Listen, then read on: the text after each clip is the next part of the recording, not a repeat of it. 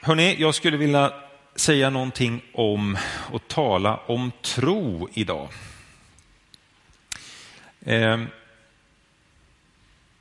Hebreerbrevet 11 och 1 så finns det en vers som säger så här.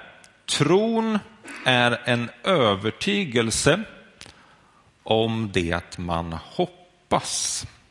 En visshet om ting som man inte ser.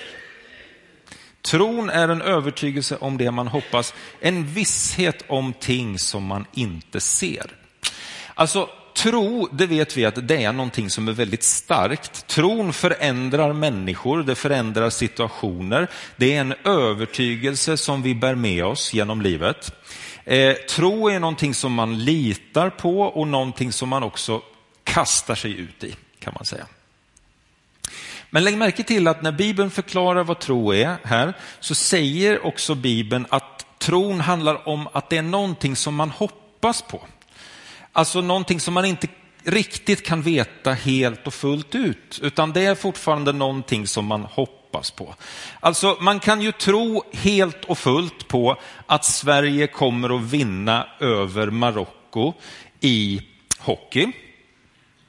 Det kan man ju, men man kan ju faktiskt inte riktigt veta förrän den stunden när matchen liksom är slut. Det är då man vet om det har blivit så som man trodde att det skulle bli. Alltså det finns, i tro så finns det någon form av osäkerhet. Det finns någon, ett, ett moment av att ja, men det här hoppas jag på, jag tror på detta och ändå så är det lite grann så att det kanske ja, haltar. Jag är ju uppvuxen i en kristen familj. Jag har gått i kyrkan i typ hela mitt liv. Jag har sett Gud frälsa människor. Jag har sett honom hela människor.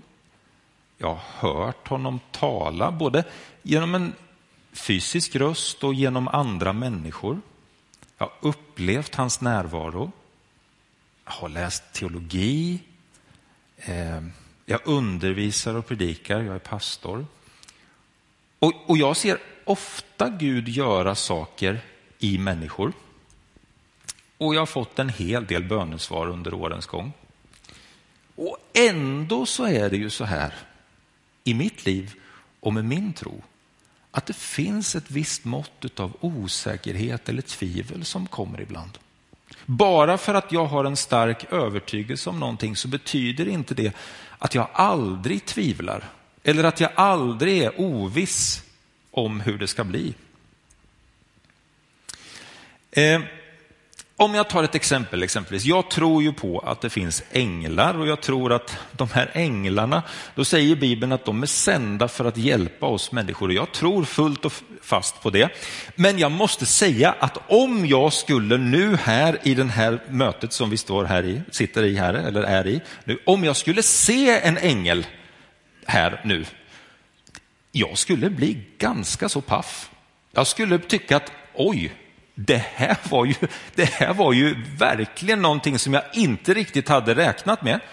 Alltså, jag tror verkligen att det finns änglar. Jag tror att det finns änglar här, men om jag skulle se dem, då skulle jag tänka så här, wow, det är verkligen sant. Alltså, förstår du skillnaden? Eller? Ja, du kanske inte skulle tycka att det är någonting, du ser änglar hela tiden kanske, jag vet inte. Men, men alltså, det finns en, en viss mått av någonting som vi tror, som vi är övertygade om och när vi verkligen ser det med våra ögon så blir det känslan av att oj, ja men det här var ju, det här var ju riktigt, det här var, på, det här var sant. Så kan det också vara varje gång som jag ber för en människa. Om jag ber för en människa så vet jag ju och tror jag ju att Gud hör den här bönen och Gud vill göra någonting i den här människans liv. Men jag måste säga att jag blir lika förvånad varje gång som det sker. Oj, det hände. Det var så. Jag vet ju att det är så egentligen, men det är ändå så att det finns den här måttet av ovisshet. Jag tror på det, men när jag ser det så förvandlas det där, den där ovissheten till att oj, ja men det här, det stämmer ju, det är ju på riktigt. Ja, men jag tror att många skulle säga att, att den tro som, som jag har, den är nog ganska stark. Eh, har valt att bli pastor. Det gör man ju inte om man, om man liksom tänker att det här med Gud är nog lite tveksamt. Utan jag tror ju på det här. Jag går i detta. Jag står i det. liksom. Eh, och ändå så kan det finnas, trots att man har en så stark övertygelse, så finns det ett mått av tvivel i oss människor.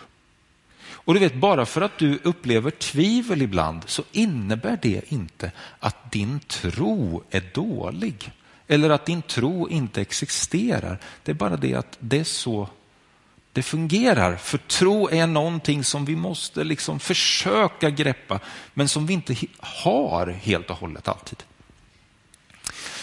Hebreerbrevet 11 som jag läste ifrån, det kallas ofta för trons kapitel. Och där så läser man då om, om en mängd personer som man kallar för trons hjältar. Det här är ju egentligen vanliga människor som du och jag, men så hade de en tro, de hade en övertygelse och, och så bar det dem genom hela deras liv. Men man kan läsa om dem i Hebreerbrevet 11 och 13. Det står det så här, i tron dog alla dessa utan att ha fått det som var utlovat. Men de hade sett det i fjärran, hälsat det och bekänt sig vara främlingar på jorden. I tron dog alla dessa utan att ha fått det som var lovat. Alltså de var fyllda av tro, de fick vara med om en hel massa olika saker. Noa han byggde en ark på torra land. Abraham han lämnade sitt hemland och, och, Gud gav honom ett helt nytt land. Sara hon fick barn fastän hon inte eh, kunde det för hon var för gammal och så vidare. och så vidare. De fick vara med om stora saker och samtidigt så är det så här att de dog utan att ha fått det som Gud hade lovat dem fullt ut. Och så är det med att vandra i tro, att vara någon som tror på Gud. Gud ger dig en tro, Gud ger dig någonting i livet. Du kan få vara med om många olika under och tecken, stora saker. Och ändå så är det så här att det är först den dagen som du står där och du möter Jesus som du vet att ja, men det här som jag byggt mitt liv på, det är sant och det håller. Det finns ett spänningsfält mellan tro och tvivel. Tro är en övertygelse, står det i Hebreerbrevet 11 och 1. Finns det olika typer av tro? Finns det olika typer av övertygelser? Ja, det kan det nog finnas kanske. Det finns en, en filosof, Michael Novak, han, han, eh, skrev en bok om det där och han menar att det fanns tre stycken olika, eller finns tre stycken olika sorters övertygelser. Eh, och jag tänker att det här kan kanske hjälpa oss lite grann att se lite hur fungerar din och min tro egentligen i livet. Okej, okay, då, då, sa han så här, det finns offentliga övertygelser, det finns personliga övertygelser och så finns det grundläggande övertygelser. Ja, Okej, okay, vad menar han med det här då? Jo, då säger han så här, offentliga övertygelser, det är sånt som vi säger, men inte helt fullt ut menar. Vi säger de sakerna, men det är inte alltid att vi fullt ut menar det. Det här kan ju exempelvis vara när du, någon frågar, eh, kommer med ett klädesplagg och säger så här, är inte den här väldigt, väldigt fin? Och så säger vi att det här, det här är, en, det, det, är någonting som är gult och du gillar egentligen inte gult, liksom, gula kläder. Men du vet att den här personen, din kompis, tycker verkligen om gult och du förstår att den här personen tycker om den här saken. Vad säger du då? Säger du så här, nej, gult är fult. Fruktansvärt! Den där får du bara lägga tillbaka. Du kan inte ha på dig den. Vet du. Ja, det finns ju kanske en del som gör det. Men om man gör det så ställer det ju till en hel del saker. Dels gör det ju den här personen väldigt ledsen och dels blir du ju själv också betraktad som, ja, men som som en ganska dryg person. Liksom. Utan det troliga är att du säger ungefär så här, du, det, det är ju, den, är, den, kom, den kommer ju passa dig. Jag tror att den kommer vara jättefin på dig. Eller någonting sånt, eller hur? Det här handlar ju inte om att du ljuger, Det är inte det. Det, det är inte det det handlar om. Men, men du säger någonting som liksom inte riktigt överensstämmer med den övertygelse som du har. Din övertygelse är att gult är fult. Ja. Men det betyder inte så mycket egentligen. Du vet att det är din egen övertygelse. Så du kan bjuda på det där. Man kan ta ett annat exempel. En, det fanns en skola, eller finns en skola, jag antar att den finns kvar, i en kristen skola i USA. Och där så, i USA så är det ju så att där får man ju skriva under dokument så här, det här och det här tror jag på. Det här och det här står jag för. Det, det gillar de i USA. Eh, och, och då så hade de upp en fråga om premilial, pre, Millianismen, jag kan inte ens uttala det. Ja, ja. I alla fall, det handlar ju om hur det kommer bli när Jesus kommer tillbaka. Det finns lite olika sätt att tänka på det. Va? Eh, och då sa den här skolan att det här står vi för, det här tror vi på. Det här måste du skriva under om du ska vara lärare här. Och ja, lärarna skrev under. Men då var det så här att en del elever som gick på den här skolan, de visste ju det att den här läraren han har ju bara liksom några månader sen, han sa ju att jag tror inte på det, utan jag tror så här istället. Eh, och nu har han skrivit under detta. Och det, ju, det, låter ju jättekonstigt. Så då frågade de honom, vad, varför, varför skrev du under det här? Och då svarade han så här, min tro på premillennialismen hänger på en skör ekonomisk tråd. Alltså han, han skrev under på grund av att han förstod att ja, men jag behöver göra det för att behålla det här jobbet. Det kanske inte var, det är inte fullkomligt jätteviktigt att kunna säga om, om det är pre eller post eller amelialism som liksom är, är så som det kommer bli.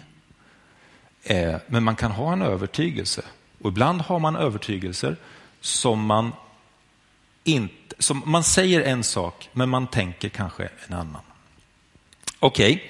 personliga övertygelser då, går han vidare med, den Novak, och så säger han så här att det är saker som jag uppriktigt tror att jag tror på. Alltså det, det, är en, det är en personlig övertygelse som framstår som verklig vid en viss tidpunkt. Men om omständigheterna ändrar sig då förändras min övertygelse.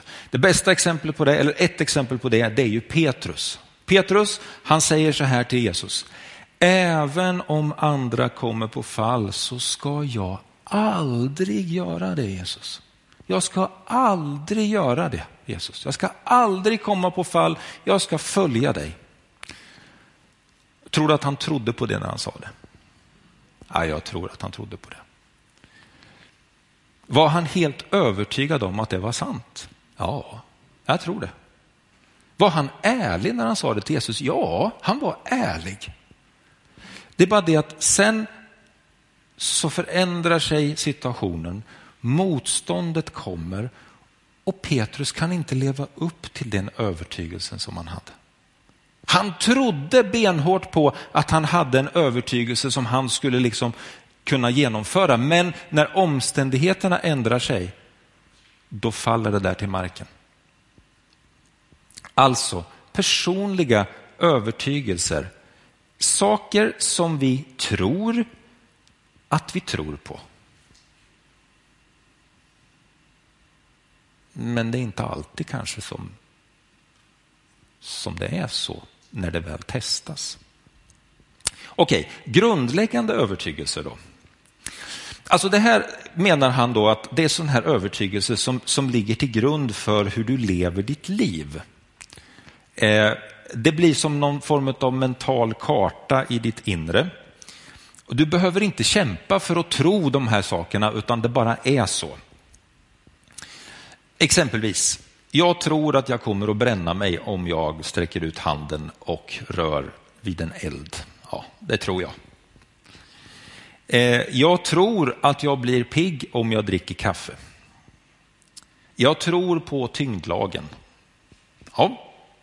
Och jag behöver inte kämpa speciellt mycket för att tro på tyngdlagen. När jag vaknar på morgonen så behöver inte jag tänka så här, idag ska jag verkligen jobba för att kunna leva mitt liv utifrån att tyngdlagen fungerar. Eller? Nej, det behöver man ju inte, för det bara fungerar. Ja, det är någon form av grundläggande övertygelse som du har om att ja, men det här, det är bara så här det är. Och när det är så, så är det också så att du handlar utifrån det. Alltså, tyngdlagen finns med på min mentala karta om hur saker och ting fungerar i livet. Och därför kommer också mina handlingar att stämma överens med den där övertygelsen. Alltså, med andra ord, om du ser på ditt eget liv, hur du handlar, så kommer det att visa sig vad du egentligen tror på. Låt mig ge några exempel på vad Jesus sa och fundera över om det här är någonting som du tror att du tror på eller som du handlar utifrån. Eller som du säger att du tror på. Lyssna på de här sakerna. Döm inte, så blir ni inte dömda. Den som vill vara stor bland er ska vara de andras tjänare. Inte en sparv faller till marken utan att er fader vet om det. Det är saligare att ge än att få. Fyra stycken saker som Jesus sa till oss. Skulle du säga att du tror på dem? Jag tror det. Jag tror att vi alla skulle säga det. Men lever du ditt liv utifrån de här orden? Har de här orden fått ett sånt fäste i dig så att det är i den, din mentala karta över hur livet fungerar och därför så handlar du utifrån detta. Alltså, vi har olika typer av övertygelser. Olika typer av nivåer av tro. Saker som vi säger att vi tror på. Det vi tror att vi tror på. Men också de sakerna som vi med våra handlingar avslöjar att vi egentligen tror på. Så frågan är, när du ser på ditt liv, vad är det då du tror på?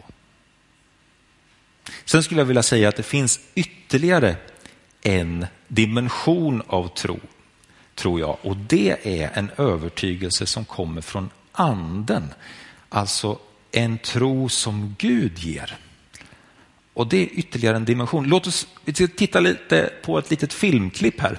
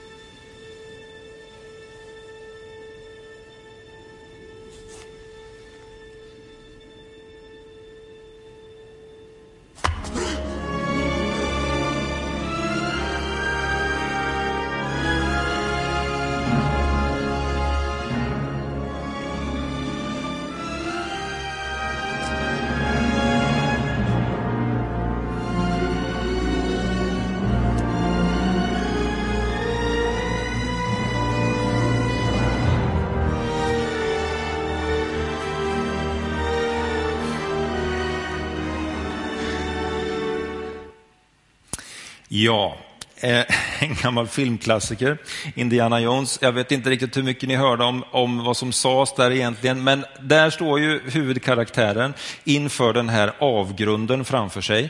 Eh, och han vet att han måste över till andra sidan. Och han har hört att enda sättet att ta sig över till andra sidan, det är att ta ett steg i tro, a leap of faith.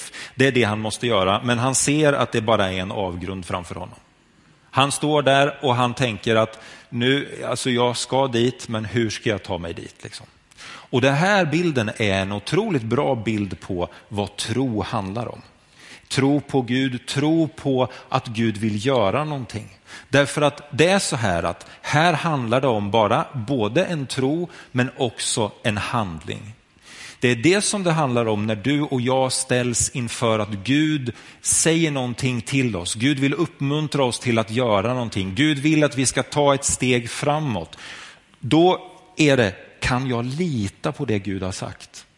Kan jag lita på att Gud har sagt att jag ska göra det här? Abraham exempelvis, som vi varit inne lite på idag. När, när, när Gud säger till Abraham, nu ska du lämna allt det som du har och så ska du gå till ett nytt land. Eh, det ska jag ge till dig. Vad gör han då? Ja, men då tar han de här stegen i tro ut i saker och ting som han inte har en aning om ifall det kommer hålla eller inte. Det enda som han har, det är ett ord ifrån Gud att lita på. Och det är det som du och jag också har när det gäller tro. Ett ord från Gud. Och det är det som ska bära oss. När vi står där inför den där randen och vi tänker, men det här är ju väldigt skrämmande. Det här kan ju verkligen bara bli platt fall. Det kan vara kört. Men att då våga och tänka, jag litar på att det Gud har sagt till mig, det Gud har lovat, det kommer att bära, det kommer att hålla. Så när jag står där så vågar jag ta det där klivet. Även fast jag inte ser att det finns någonting som ska bära. Och så tar jag ett första steg. Och så ser jag, det här bar mig. Gud bar mig. Det håller att tro på honom. Tro och övertygelse i våra liv är ganska komplicerat ibland faktiskt. Det är inte så lätt att veta om man tror. Tvivel kan smyga sig på. Men en sak är säker. Det är det, ju mer som du och jag befinner oss i närheten av Jesus, desto mer ökar vår tro på att Gud kan och kommer att bära oss. Frågan som du och jag får ställa oss är, är det här vår tro, den tron som vi säger att vi har, är det en grundläggande övertygelse som gör att jag vågar att ta steget, vågar att lita på att Gud kommer att bära det här.